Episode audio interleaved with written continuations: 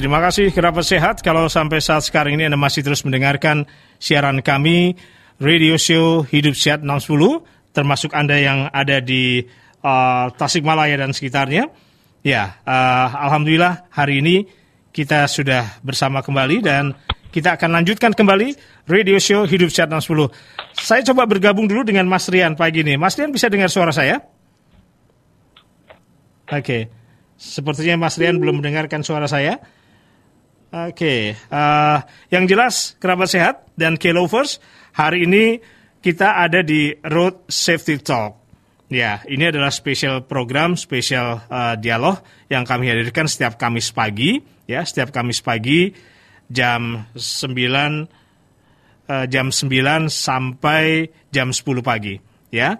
Road Safety Talk ini tentu saja uh, tema yang kita angkat berkaitan dengan Hari Guru Nasional kemarin. Nah, kita uh, mencoba untuk mengangkat dan memberikan apresiasi terkait dengan Hari Guru Nasional, sehingga tema kita hari ini adalah guru dan keselamatan lalu lintas. Insya Allah, Adrianto Aswiono, praktisi keselamatan jalan dan juga dosen Politeknik APP Jakarta, akan bergabung dengan kita, uh, termasuk juga special guest Bapak Alih Muson SPDMM, beliau adalah praktisi pendidikan otomotif entusias. Ya, tentu saja kita akan coba menggali dan uh, mendapatkan pencerahan tentu saja terkait dengan tema kita hari ini, ya, di mana uh, hari ini tema yang tadi sudah kita angkat dan kita persiapkan adalah guru dan keselamatan berlalu lintas. Semoga kita menjadi bagian atau masyarakat yang uh, juga peduli terhadap keselamatan lalu lintas karena bagaimanapun juga kita akan menggali informasi bagaimana kesadaran siswa, siswi terhadap keselamatan jalan dan masyarakat secara umum. Dan perlu tidaknya keselamatan jalan juga masuk ke dalam kurikulum. Nah, apakah langkah-langkah praktis yang akan dilakukan dan bagaimana peran guru utamanya dalam keselamatan jalan, termasuk juga peran Anda sebagai warga masyarakat. Ya, itu yang akan kita perbincangkan dan ini tentu saja kaitannya dengan pendidikan berlalu lintas yang berkeselamatan. Ini kami hadirkan berkaitan dengan latar belakang Hari Guru Nasional yang kemarin kita peringati. Bahkan ada wacana terkait dengan keselamatan jalan akan masuk dalam kurikulum. Apakah begitu? Nanti ya. Anda ikut ngobrol ya, kerabat sehat dan K-Lovers yang mendengarkan siaran kami baik di uh, K-Love FM ya 93 Tasikmalaya termasuk juga Anda yang mendengarkan siaran kami secara langsung di 93,4 KC FM Radio Kesehatan Keluarga. Saya masih berusaha uh, tersambung dengan Mas Rian. Mudah-mudahan kita bisa uh, segera berkomunikasi, termasuk juga narasumber kita. Karena hari ini, uh, seperti yang sudah kita sampaikan, kita akan berbicara masalah guru dan keselamatan jalan. Ya, guru dan keselamatan jalan. Mudah-mudahan kita uh, bisa bergabung hari ini. Baik, saya coba sapa dulu. Mas Rian bisa dengar suara saya? Pak Budi, mute. Ya. Baik, Mas Rian bisa dengar suara saya ya? Oke, uh, Mas Rian, selamat pagi.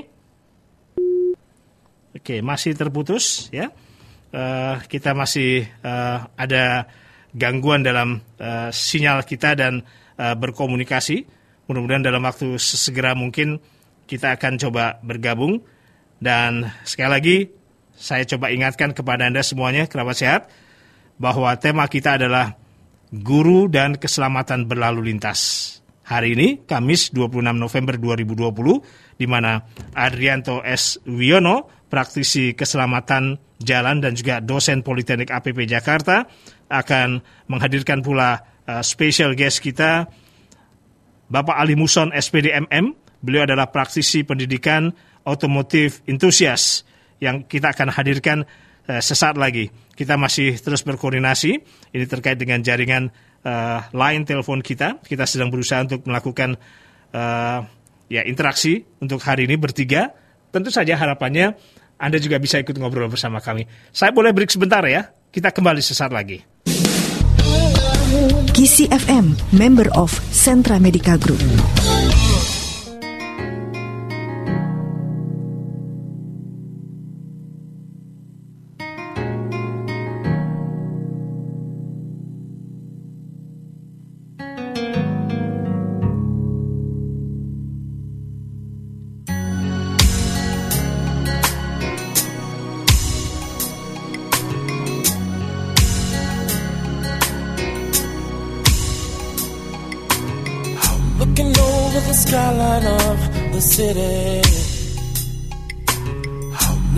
Quiet nights in the midst of crime.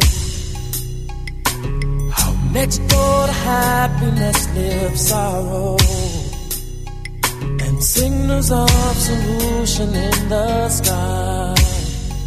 A city of justice, a city of love, a city of peace for every one of us.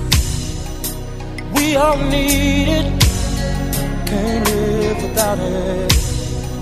A Gotham City, oh yeah. How sleeping awake because of fear, oh yeah.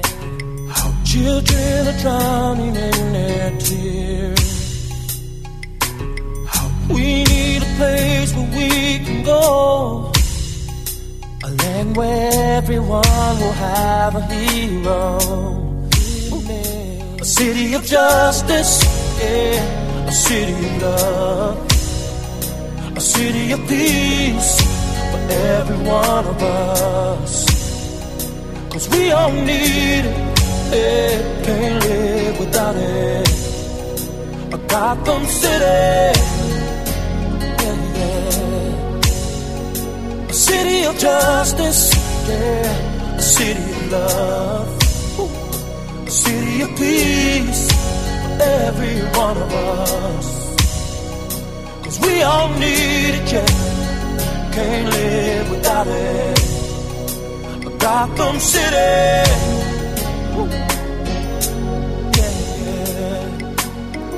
Dead in the middle of stormy weather. We won't stumble and we won't fall. I know a place that offers shelter.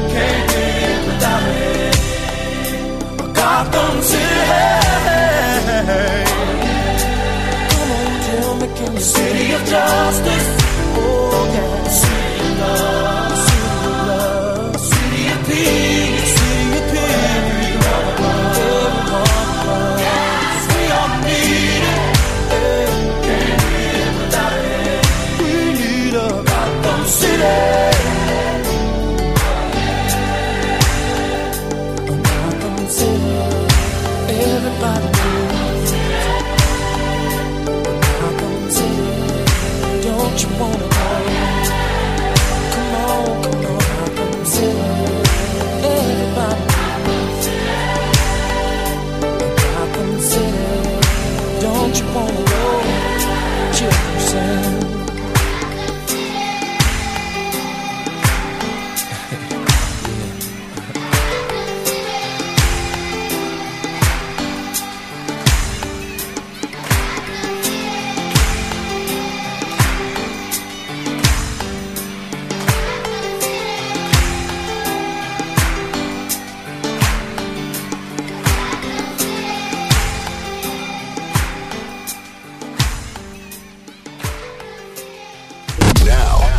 Sehat 610 93,4 DCFM Radio Kesehatan Keluarga Hai Jennifer, bingung cari internet yang cepat, stabil, tapi harganya murah?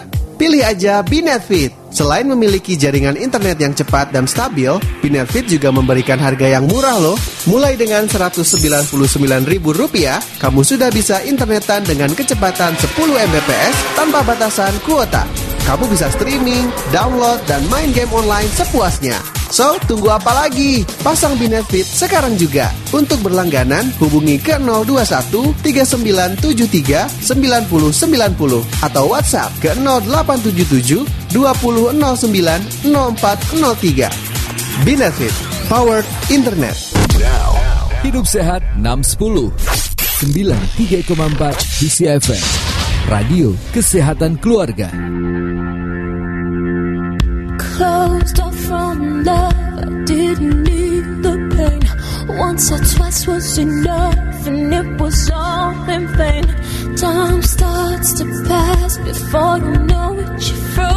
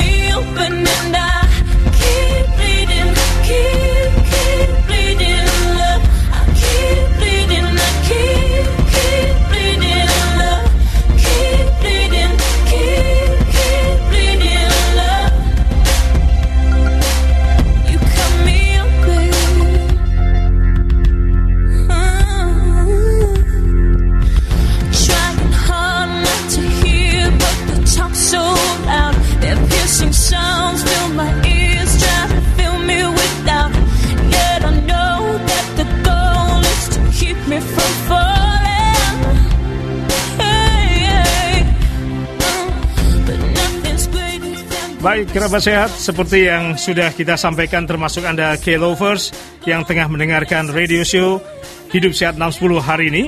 Ya, seperti yang sudah kita informasikan sejak uh, kemarin sampai pagi-pagi, kita masuk di Kamis pagi. Ya, radio show Hidup Sehat 610 menghadirkan Road Safety Talk. Dan tema kita hari ini sebagai bentuk apresiasi kita terkait dengan Hari Guru Nasional yang kita peringati kemarin. Ya, makanya tema kita adalah Guru dan Keselamatan Lalu Lintas. Adrianto Eswiano, praktisi keselamatan jalan dan juga dosen Politeknik APP Jakarta. Dan hari ini kita juga ada special guest kita, Pak Alih Muson, SPD MM, praktisi pendidikan dan juga otomotif enthusiast. Mas Rian, selamat pagi. Assalamualaikum. Selamat pagi Pak Budi, Waalaikumsalam warahmatullahi wabarakatuh. Selamat pagi eh, kerabat sehat Kisi FM dan Kilovers di mana pun berada. Mohon maaf atas keterlambatannya. Iya, iya, karena ini ada kesalahan eh, teknis sedikit gangguan. Oke, sehat ya Mas ya? Alhamdulillah Pak Budi, luar biasa ini. eh, Alhamdulillah sampai detik ini diberikan kesehatan. Amin. Jadi masih bisa beraktivitas meskipun tetap WFH. Oke, alhamdulillah. Eh, diperkenalkan special guest kita hari ini, Mas Rian.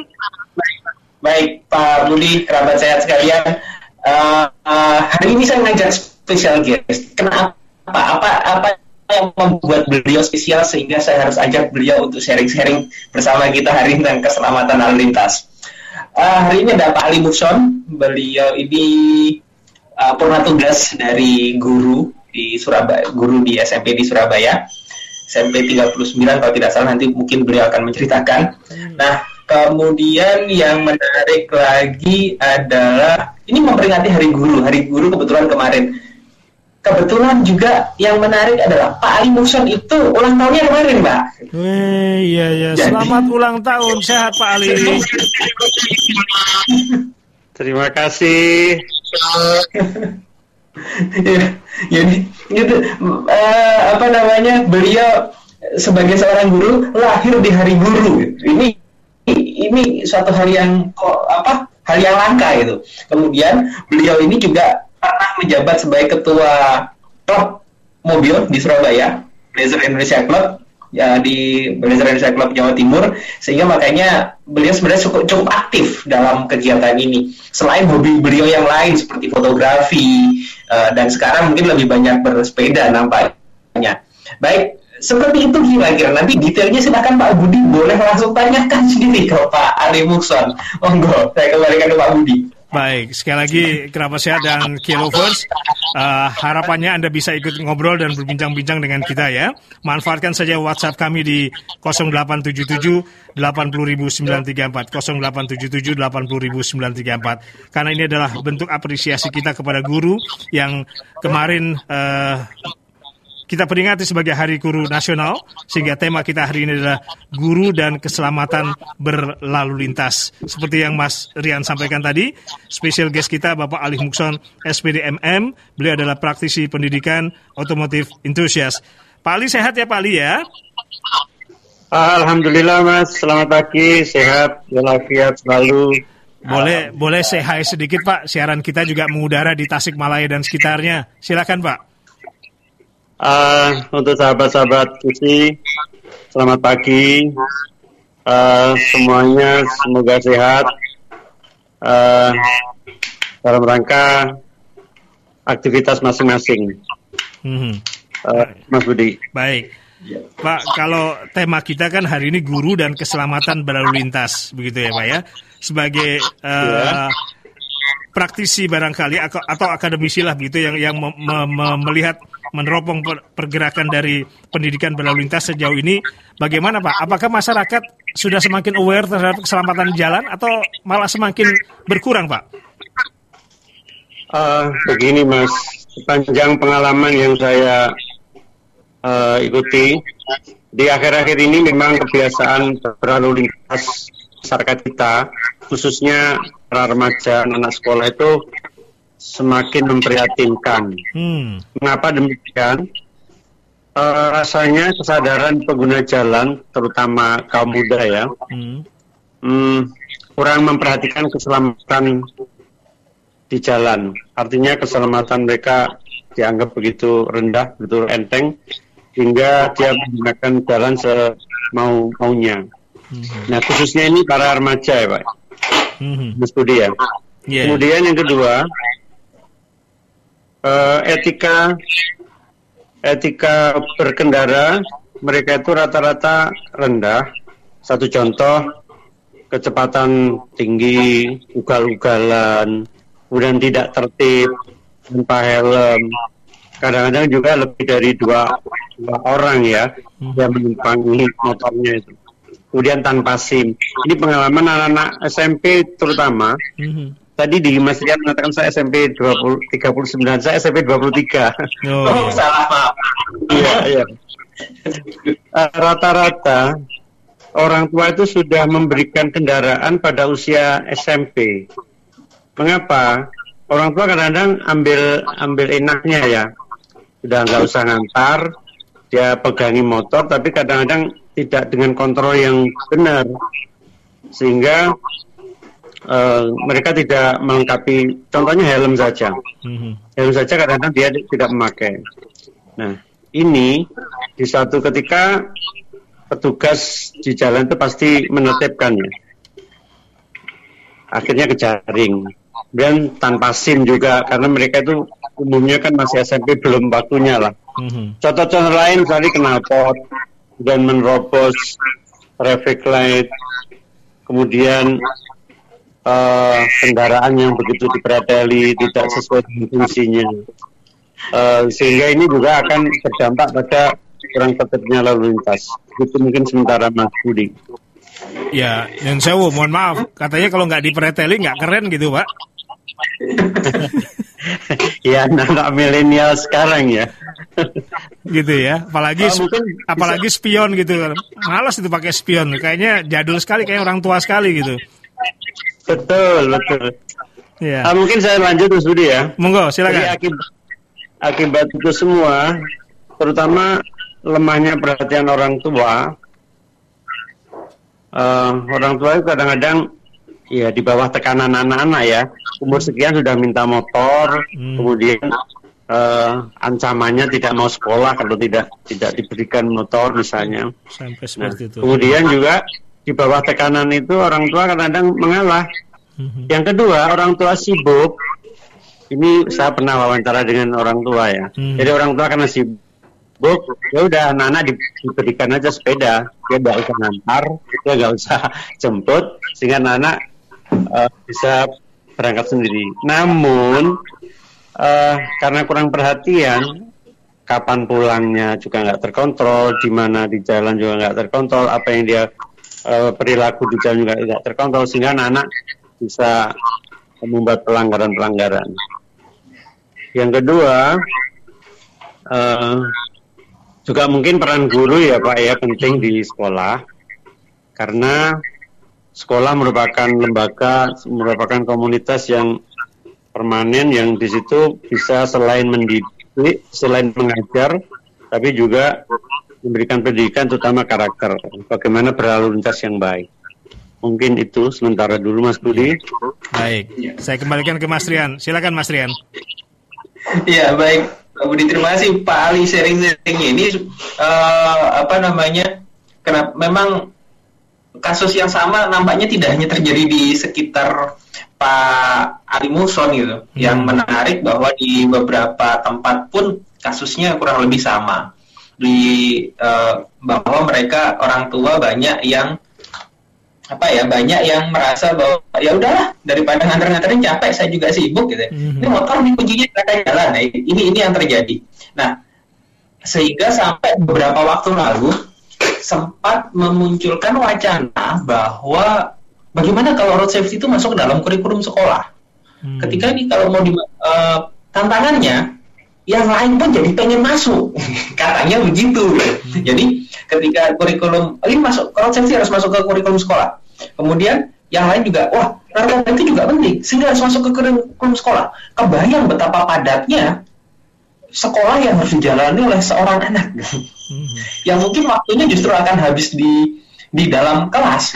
Eh, eksplorasinya dia mungkin akan akan tersendat atau terhambat. Mungkin loh ini. Nanti mungkin Pak Ali lebih lebih punya pengalaman bagaimana tentang kurikulum dan padatnya sebuah kurikulum dan lain sebagainya sesuai dengan pengalaman beliau. Nah, saya saya hanya eh, melihatnya adalah ketika ini masuk ke dalam kurikulum jadi lebih padat. Yang lainnya pengen masuk, pengen masuk akhirnya makin berat. Kalau ini yang terjadi malah anak dikhawatirkan tidak berkembang dengan baik. Akhirnya justru bisa jadi malah gini.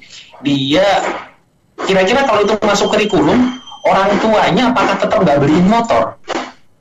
Akan muncul pertanyaan seperti itu. Apakah eh, sekolah juga masih membebaskan siswanya menggunakan sepeda motor? Ini juga akan jadi suatu tantangan tersendiri ketika nanti misalkan, oh ini eh, yang terjadi, kurikulumnya dipadatkan road safety masuk, kemudian narkoba masuk atau apa pun dimasukkan kurikulum tentang hal tersebut. Anak beban kurikulumnya makin besar, motornya tetap ada, kebayang kerabat sehat.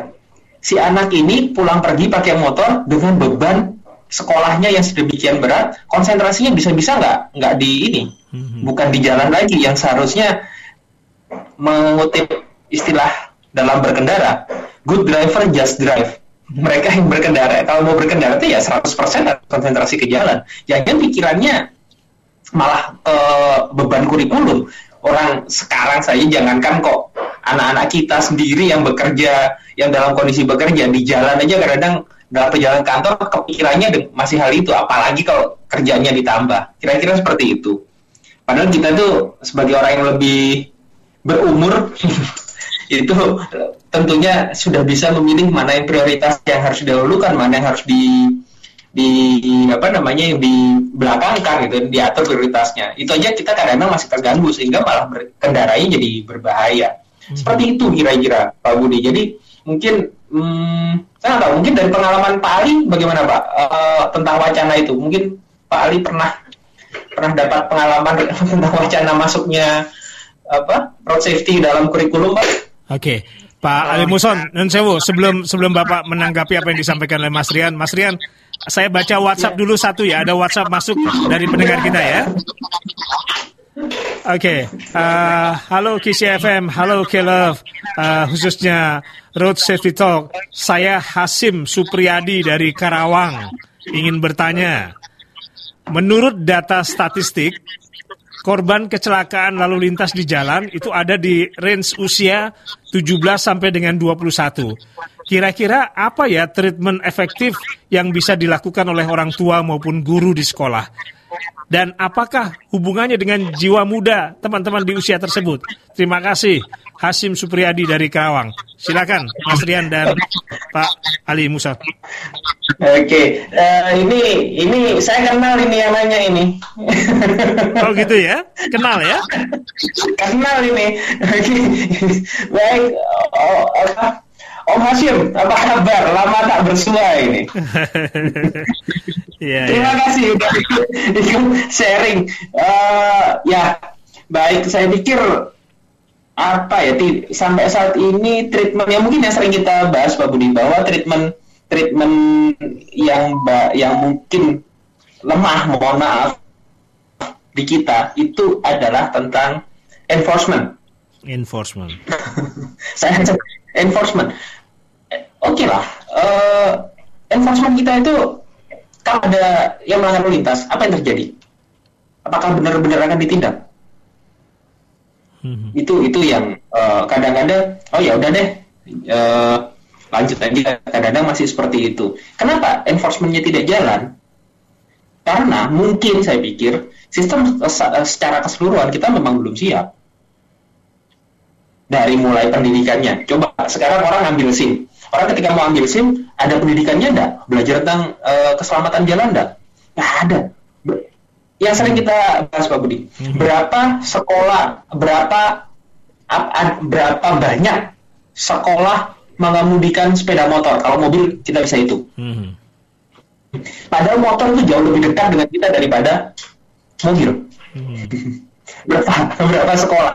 Nggak ada pak Mhm. saya belum ketemu sepanjang eh, keliling Indonesia itu belum pernah ketemu ada sekolah kursus motor Iya. kita bandingkan dengan negara-negara lain ada pak ambil sim kamu sudah pernah kursus di mana Mhm. karena ya itu ada mohon maaf kalau ini dari sudut pandang pribadi saya mohon maaf jika salah saya dalam mengartikan eh, di Undang-Undang Nomor 22 bahwa mengemudi itu boleh eh, maaf bela- kompetensi mengemudi itu bisa diperoleh dari salah satunya adalah belajar sendiri. Terus yang mengakui siapa? Bagaimana menjamin bahwa apa yang dipelajari itu benar? Kemudian habis itu dia bisa apply SIM. Kira-kira seperti itu Pak Budi gambarannya. Nanti mungkin ada tambahan dari Pak Ali yang lebih dekat dengan dunia remaja. Iya. Silakan Pak Ali ditambahkan dan dilengkapi. Saya menanggapi tadi eh, memang eh, Mas Rian Mas Budi memberikan pendidikan berlalu lintas itu sebenarnya penting. Jadi sebuah solusi cerdas mestinya untuk upaya keselamatan di jalan eh, anak-anak kita. Karena mengapa usia 7 sampai 18 tahun, katakan usia SD sampai dengan SMA, itu daya tangkap mereka, daya tanggap mereka itu kan masih tinggi dibandingkan kelompok umur yang setua kita. Mhm. Nah mungkin memasukkan eh, etika-etika berkendara mungkin akan lebih bagus di usia itu. Kemudian eh, usia-usia mereka itu kan kelompok-kelompok potensial untuk menerima perubahan lah. Eh, artinya kalau sejak dini dikenalkan bagaimana etika berkendaraan yang baik, itu mungkin akan ke bawah sampai usia tua. Satu pengalaman eh, di kelas saya coba bertanya pada anak-anak gini. Nah tadi siapa yang diantar eh, orang tua sekolah? Jujur aja jawab ngacung. Melewati traffic light? Iya pak. Orang tua menerobos atau tidak? Ternyata ada yang jawab jujur menerobos. Nah, ah, itu salah satu kunci bahwa eh, orang tua juga tidak memberikan pendidikan yang baik pada anak-anaknya. Jadi melanggar itu hal yang biasa, melanggar itu nggak ada petugas hal yang biasa yang sehingga itu akan ditiru anak-anak mereka. Saya katakan pada mereka, beranikah kamu menegur? Nah, mereka nggak jawab. Bapak kena tampar, Pak.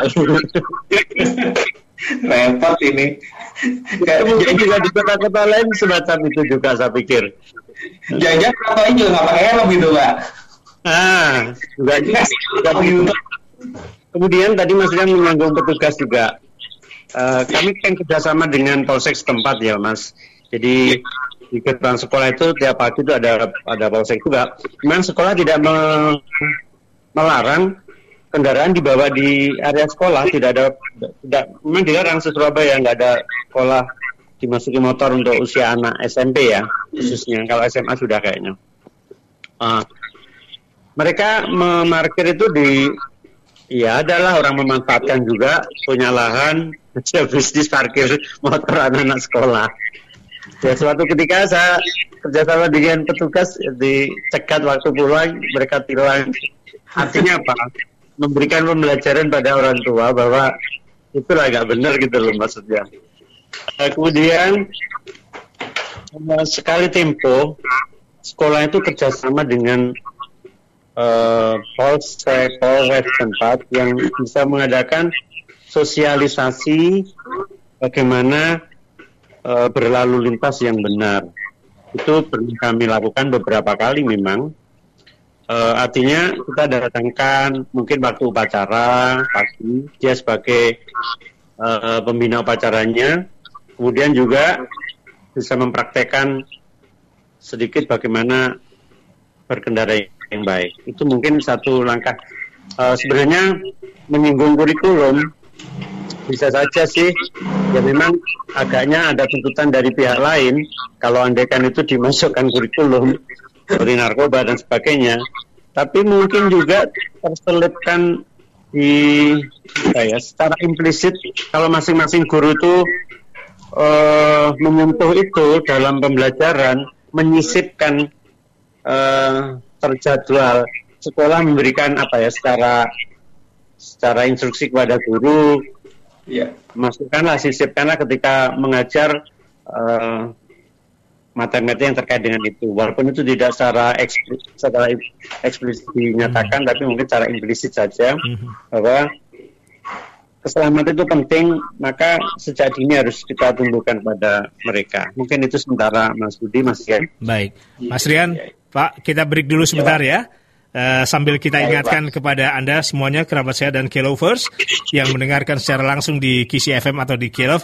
Ayo, kita ada waktu, silahkan Anda juga bisa eh, ikut berpartisipasi, berbincang-bincang dengan kami. Seperti halnya yang disampaikan oleh Pak Hasim Supriyadi dari Kerawang yang ikut berbincang-bincang dengan kita semuanya. Silakan, Anda bisa manfaatkan WhatsApp kami di 0877 80934. Ibu Ani di Tapos dan Mbak Dea di Tasikmalaya. Ayo silakan kalau mau ikut gabung ngobrol, saya tunggu. Karena hari ini kita sedang uh, berbincang-bincang dan sebagai bentuk uh, apresiasi kepada guru-guru kita yang kemarin merayakan Hari Guru Nasional sehingga tema kita di Road Safety Talk kali ini adalah guru dan keselamatan berlalu lintas. Kita kembali sesaat lagi.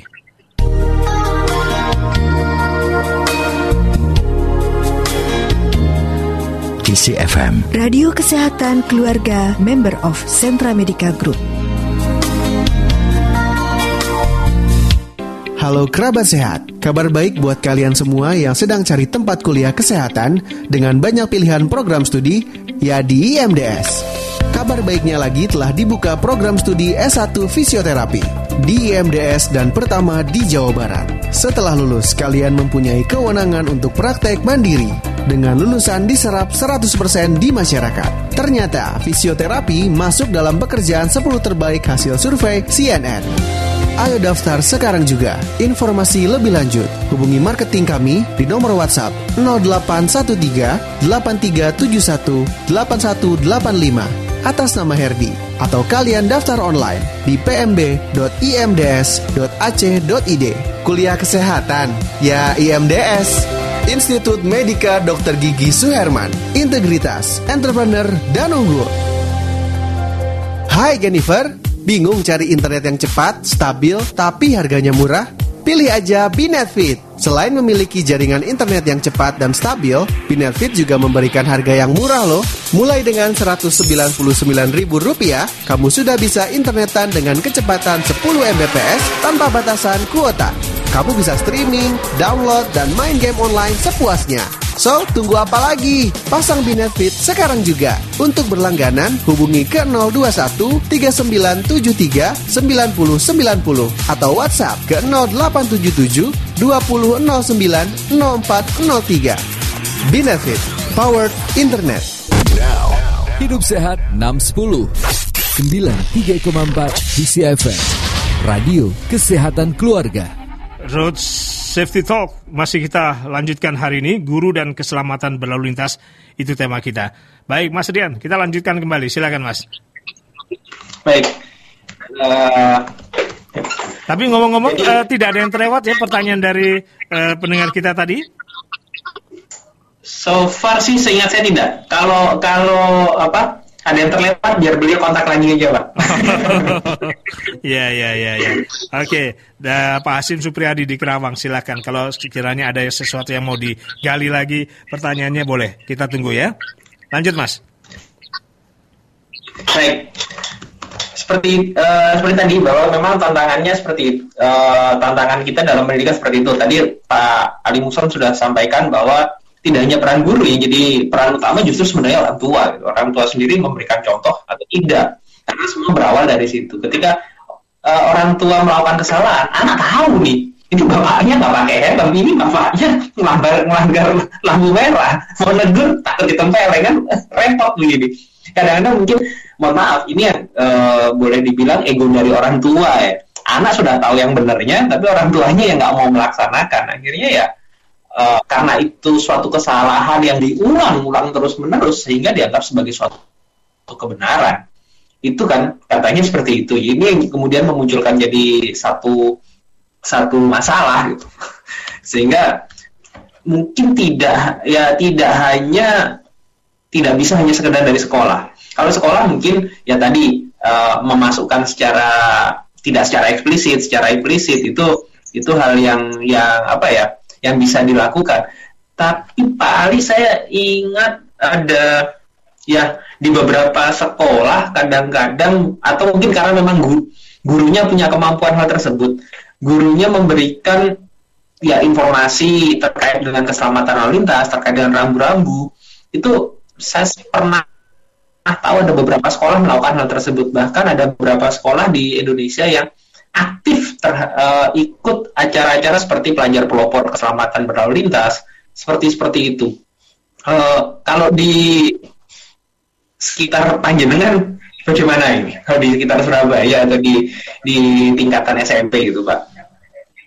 Eh, gini Mas. Jadi di Surabaya pun sudah di Surabaya pun dikenalkan itu. Jadi bah- bahkan sejak SD itu ada polisi lalu lintas sekolah. Hmm. Mereka berseragam seperti lalu lintas ketika pagi-pagi dia juga ikut mengatur eh, eh, lalu lintas masuk sekolah itu. Itu jadi kenalkan. Yang kedua, sekolah di Surabaya umumnya sudah kerjasama dengan eh, pihak pemerintah. Bahkan kalau narkoba ya dengan dengan apa polisi juga polsek juga. Terutama untuk keselamatan lalu lintas kita sering bekerjasama dengan Korlantas untuk mentang, didatangkan ke sekolah untuk memberikan sosialisasi. Ya, namun juga ya, sebatas sosialisasi, artinya itu tempo waktunya kan eh, mungkin dalam satu semester dua kali lah, tapi kadang satu kali lihat kepentingan atau lihat jadwal sekolah juga. Tapi memang kita adakan itu. Kemudian kembali ke orang tua, orang tua itu kan dari rumah itu kan sekolah yang pertama dan utama gurunya adalah orang tua khususnya dalam pendidikan karakter. Nah, orang tua yang punya pegang peran penting. Kalau tadi orang tua suka melanggar, ya anaknya juga akan mengikuti. Nah, itu yang akan dicontoh. Maka eh, saya pesankan pada anak-anak waktu itu ya. Jadi kalau cobalah sharing dengan orang tua, dengan apa, Pak Bu, sekolah itu sudah diajarin begini-gini tentang kelalu lintasan. Kalau Bapak Ibu melanggar, kan gimana? Nah, mungkin anak ada ada anak yang berani seperti itu bisa sharing dengan orang tuanya. Ada juga yang takut seperti tadi. Nah, eh, memang eh, sangat petugas pun gini. Pernah satu ketika ngobrol-ngobrol, jadi ada keengganan juga. Artinya dengan kepentingan orang tua mau ditilang itu kasihan bahkan sampai gini setelah pak pokok anak-anak pakai helm aja itu sudah membantu kami untuk apa aja kami menutup mata untuk anak-anak sekolah karena juga kepentingan orang tua kesibukan orang tua tapi mbok yao. Ya bahasa Jawanya mbok yao. Eh, anak-anak itu juga jangan jangan seperti itu seenaknya sendiri gitu. itu bahkan petugas sampai berbicara seperti itu. Artinya juga ada toleransi sebenarnya dari petugas mengingat kepentingan kota besar misalnya se, serumit Jakarta, Bogor, Surabaya. Orang tua juga sibuk maka anak di- dipegangi motor sendiri namun juga himbauannya eh, pakailah helm kelengkapan kendaraan juga lengkap nggak sembrono dan sebagainya mungkin sementara itu Mas Budi Mas Iya, iya. Oke, Mas Rian, eh, saya bacakan WhatsApp ya, Pak Ali. Baik Pak. Dari Ibu dari Ibu Ani di Tapos. Selamat pagi menjelang siang semuanya.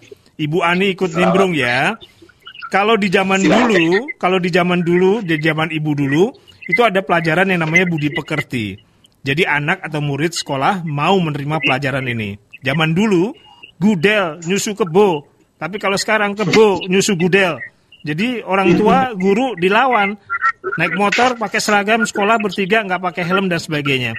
Semoga ada pelajaran lagi seperti dulu, budi pekerti. Terima kasih. Silakan, Mas Rian, Pak Ali. Ini yang ada sebentar ini Sunarso Pak Ali ya. Jadi begini Pak ini Bu, Bu Ani, Ibu Ani di Tapos. Bu, Bu Ani, Bu Ani ya. Saya lari antara Bu Ani atau Bu Ani. Bu, Bu Ani di Tapos. Betul Bu, kalau saya ingat saya juga dulu ada seperti itu. Cuma mungkin eh, sekarang itu kan dibungkus dengan yang lain. Begitu Pak Ali ya. Mungkin masuk dalam mata pelajaran yang lain begitu ya iya iya iya di tidak eh, tidak muncul langsung budi pekerti begitu. Nah, eh, problemnya yang yang jadi tantangan sekarang adalah apa kalau ada anak berani ngelawan sama orang tuanya dalam tanda kutip bahwa oh saya maunya mau sekolah tapi kalau diberikan motor. Nah, tap- kayak gitu orang tua nyerah. Problemnya ketika ditanya sama anak, Bapak kok nggak pakai helm sih? Bapak kok nerobos lampu merah sih? Nah ini orang tuanya berani berani berespon untuk tidak setuju gitu. Tapi ketika anaknya minta kenapa jadi setuju? Ini kan jadi agak agak, agak unik ya. Bagaimana Pak Ali eh, terkait dengan pelajaran budi pekerti ini? Oke. iya Mas Pak Ali, sebenarnya- dan, dan sewu Pak Ali, ternyata ada yang penasaran juga ingin menambahkan dan mungkin bisa jadi teman ngobrol kita nih Mas Rian. Ya, Pak Hasim tadi dari Kerawang kita sapa dulu. Pak Hasim, selamat pagi. Halo, selamat pagi Pak Budi, Pak Rian, dan Pak Ali Iya. dari Kerawang. Oke, Eh, silakan kita berikan kesempatan Pak Ali dulu mengomentari apa yang disampaikan oleh Mas Rian. Standby dulu ya, Pak Hasim ya, sebentar. Silakan. Eh, terima kasih Mas Budi untuk Bu Ani di Tapos. Eh, pendidikan karakter itu sebenarnya juga eh, tidak hanya jam- zaman sekarang pun juga di- diberikan. Bahkan ada sekitar berapa 16 atau 18 karakter yang di termasuk ketertiban, disiplin dan sebagainya itu itu ada pendidikan karakter. Cuman eh, tidak tidak secara nyata berdiri sendiri, namun dimasukkan dalam eh, implisit pembelajaran atau materi pembelajaran, sehingga guru tidak hanya eh, mengajarkan materi saja, namun juga diharapkan menyelipkan budi pekerti budi pekerti yang ada di dalam eh, yang sudah ditentukan itu. Itu Ada 16 atau 18 saya lupa.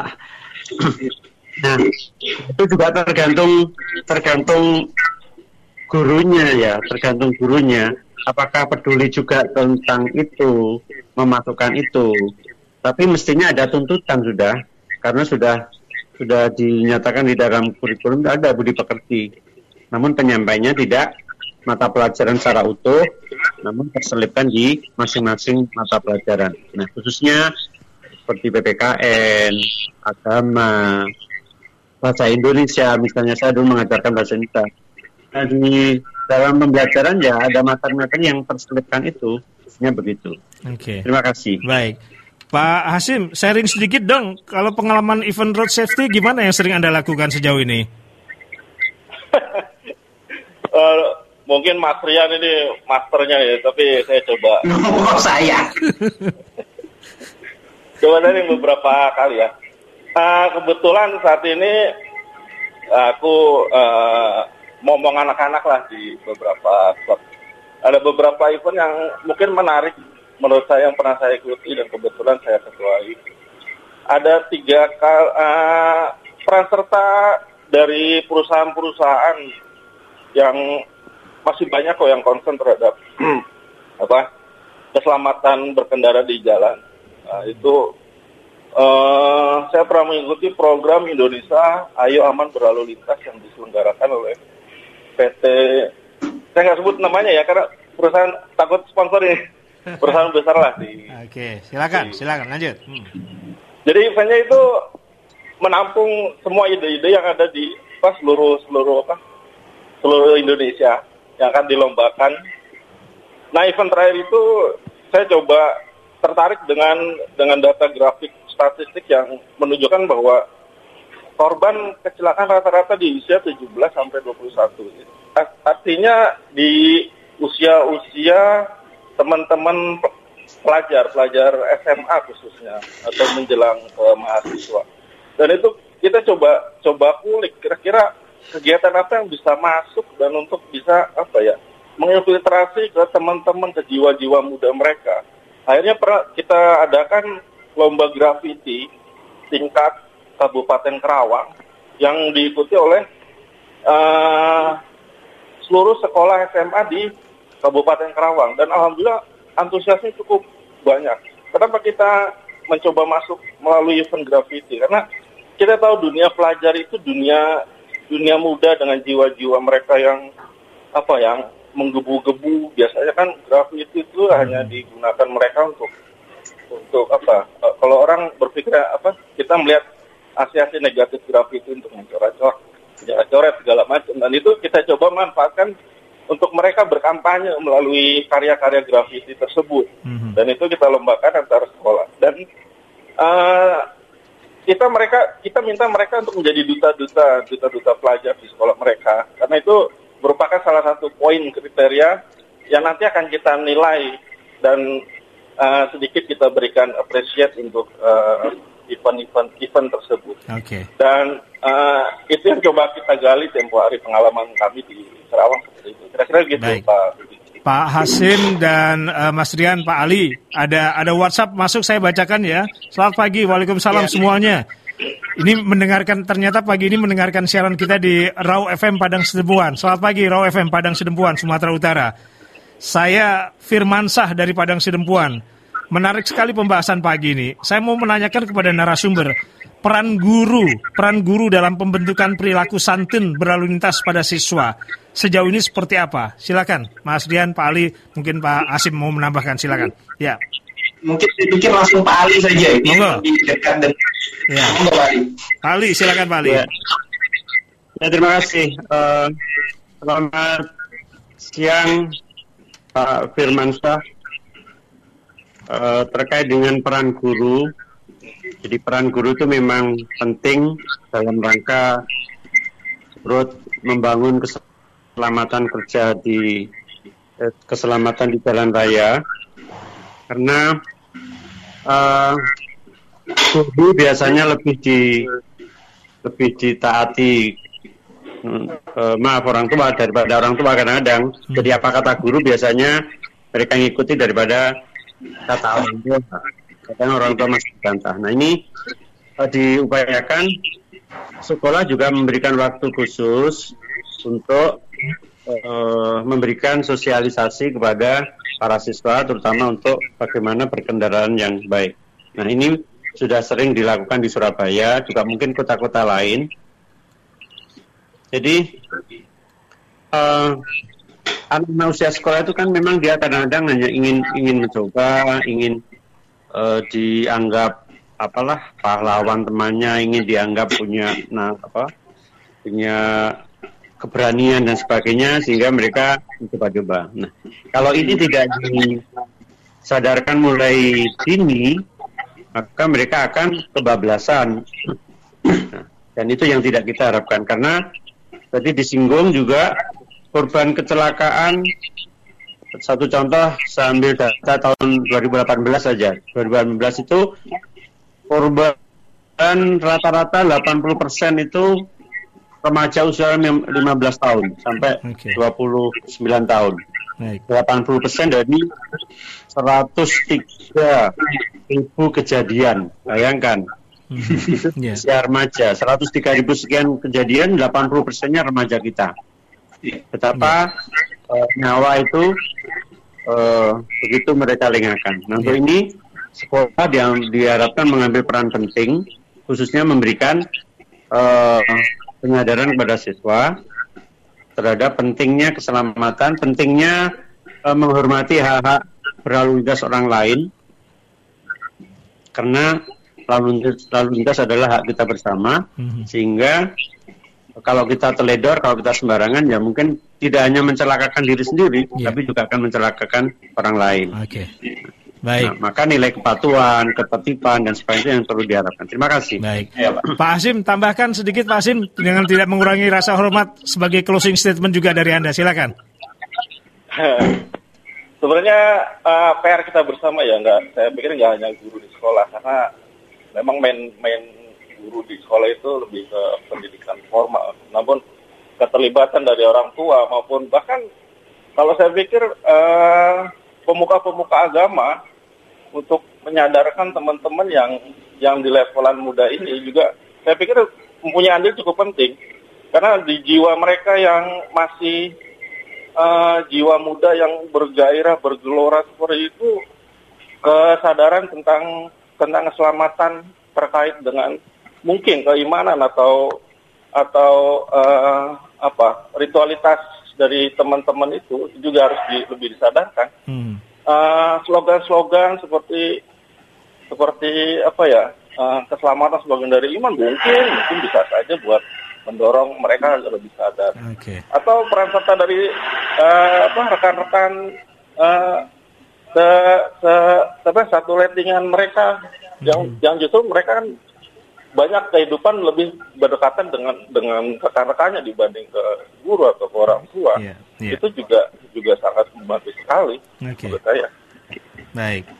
Oke, Pak Asim, terima kasih ya sudah ikut nimbrung sama kita hari ini. Maaf diganggu pagi-pagi. oke oke oke sambil macul nih Wih, sambil macul ya. Oke, sehat-sehat ya Pak ya.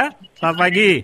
Assalamualaikum. bagi waalaikumsalam Ya, eh, ke ke Pak Ali sedikit. Pak Ali dengar-dengar concernnya tidak hanya di aut- otomotif nih kalau bicara antusias. Ini sedang tren goeser nih. Pak Ali juga goeser juga sedikit Pak. Ini goeser juga sudah mulai banyak diprotes nih tertib berlalu lintas nih Pak. Gimana komennya Pak? Oh ya, gini Mas. Jadi saat ini memang saya masih banyak uh, ke WF. Jadi satu bulan November ini sudah hampir 3.000 kilo yang saya tempuh. Wih, keren, keren, ya, ya. Kemudian gini, jadi uh, kami punya komunitas seperti cyclist dan sebagainya. Itu mengajarkan pada anggota bahwa kita harus punya santun, punya uh, apa rasa hormat kepada pengguna lalu lintas yang lain. Kemudian kita bersepeda hanya maksimal apa ya dua lah kalau kita lagi berjejer Hmm. lebih dari itu tidak Hmm. maka diharapkan tidak hanya dua satu kalau memang eh, padat itu kita satu satu Iya. kemudian yang penting lagi ketika traffic light itu kita Oke. mesti berhenti nunggu Oke. tidak akan menerobos jalan Setuju. dan itu yang kita kita tularkan kepada teman-teman kepada teman-teman worker bahwa eh, keselamatan itu penting Hmm. tapi juga masih banyak uh, western yang lain itu kadang-kadang uh, karena uh, sepeda dianggap nggak punya nggak nggak ada aturan macam-macam mereka lampu merah kelihatan Terobos. kelihatan kosong dia terop Iya, dan ini pernah kejadian mereka ditangkap oleh kendaraan betul. nah jadi memang saya banyak mengamati di jalan mas Dian kalau pagi kita minimal 10 kilo itu untuk sepeda tiap pagi jadi memang eh, apa ya eh, non sewu pemotor-pemotor itu kadang-kadang juga tidak memberikan toleransi yang yang, yang yang baik untuk kita, Mhm. main siksa sebagainya itu yang kita sesalkan. Oke. Kemudian juga sesama Western juga kadang-kadang kami prihatin memang kenapa banyak diprotes karena kadang-kadang mereka bergerombol kemudian menguasai jalan Mhm. kemudian tidak memberikan kesempatan sebenarnya lain seolah dia yang menang gitu karena Mhm. banyak Mhm. yang yang yang sering kita eh, kritisi Iya. dan itu juga kita juga banyak menulis di website pribadi eh, tentang etika bersepeda juga supaya bisa dibaca teman-teman barangkali juga bisa menginspirasi. Oke. Mungkin itu Mas. Baik. Mas Rian, monggo closing statementnya Mas. Baik, terima kasih Bang Dini. Mohon maaf waktunya jadi eh, agak lewat. Baik, kerabat sehat, eh, TCFM dan Kelovers di mana pun berada. Hasil ya kita sharing-sharing hari ini mungkin bisa diringkas menjadi seperti berikut bahwa yang pertama guru tidak bisa sebagai eh, pihak yang utama dalam hal melakukan pendidikan berlalu lintas. Justru ternyata yang paling utama itu ada di rumah pendidikan di dari orang tua guru hanya mengi- mengiringi atau memoles sebenarnya apa yang sudah di yang jadi masalah adalah ketika apa yang terjadi di rumah dan yang terjadi di sekolah itu bertolak belakang ini akan menjadi tidak akan me- apa tidak akan terjadi sinergi yang bagus untuk menciptakan jalan yang lebih aman dan lebih selamat Mhm. seperti itu kira-kira Oke. itu kira-kira uh, Budi dan kerabat sehat. Jadi sekali lagi apa pun uh, mau enforcement mau apa yang ternyata yang paling utama adalah pendidikan dan itu dimulai dari rumah. Rumah. Terima kasih. Oke. Kelovers, terima kasih Kelov FM dan yang baru bergabung juga Raw FM Padang Sidempuan juga sudah ikut bergabung pagi nih Mas. Terima kasih uh, Raw FM Padang Sidempuan. Pak Ali langsung dari Surabaya, Sun ya Pak ya. Terima kasih. Terima kasih sama-sama Mas. Sehat selalu untuk semuanya. Amin. Kangen tahu campur kalau udah ngomongin Surabaya ini. Oke. Rawon setting. Iya, baik. Terima kasih Mas Rian, Pak Ali, sekali lagi Pak Hasim juga terima kasih semuanya. Eh, kerabat sehat, Kelovers. Saya Budi Sunarso menutup rangkaian radio show Hidup Sehat 610. Cukup sampai di sini. Tetap sehat, tetap semangat semuanya.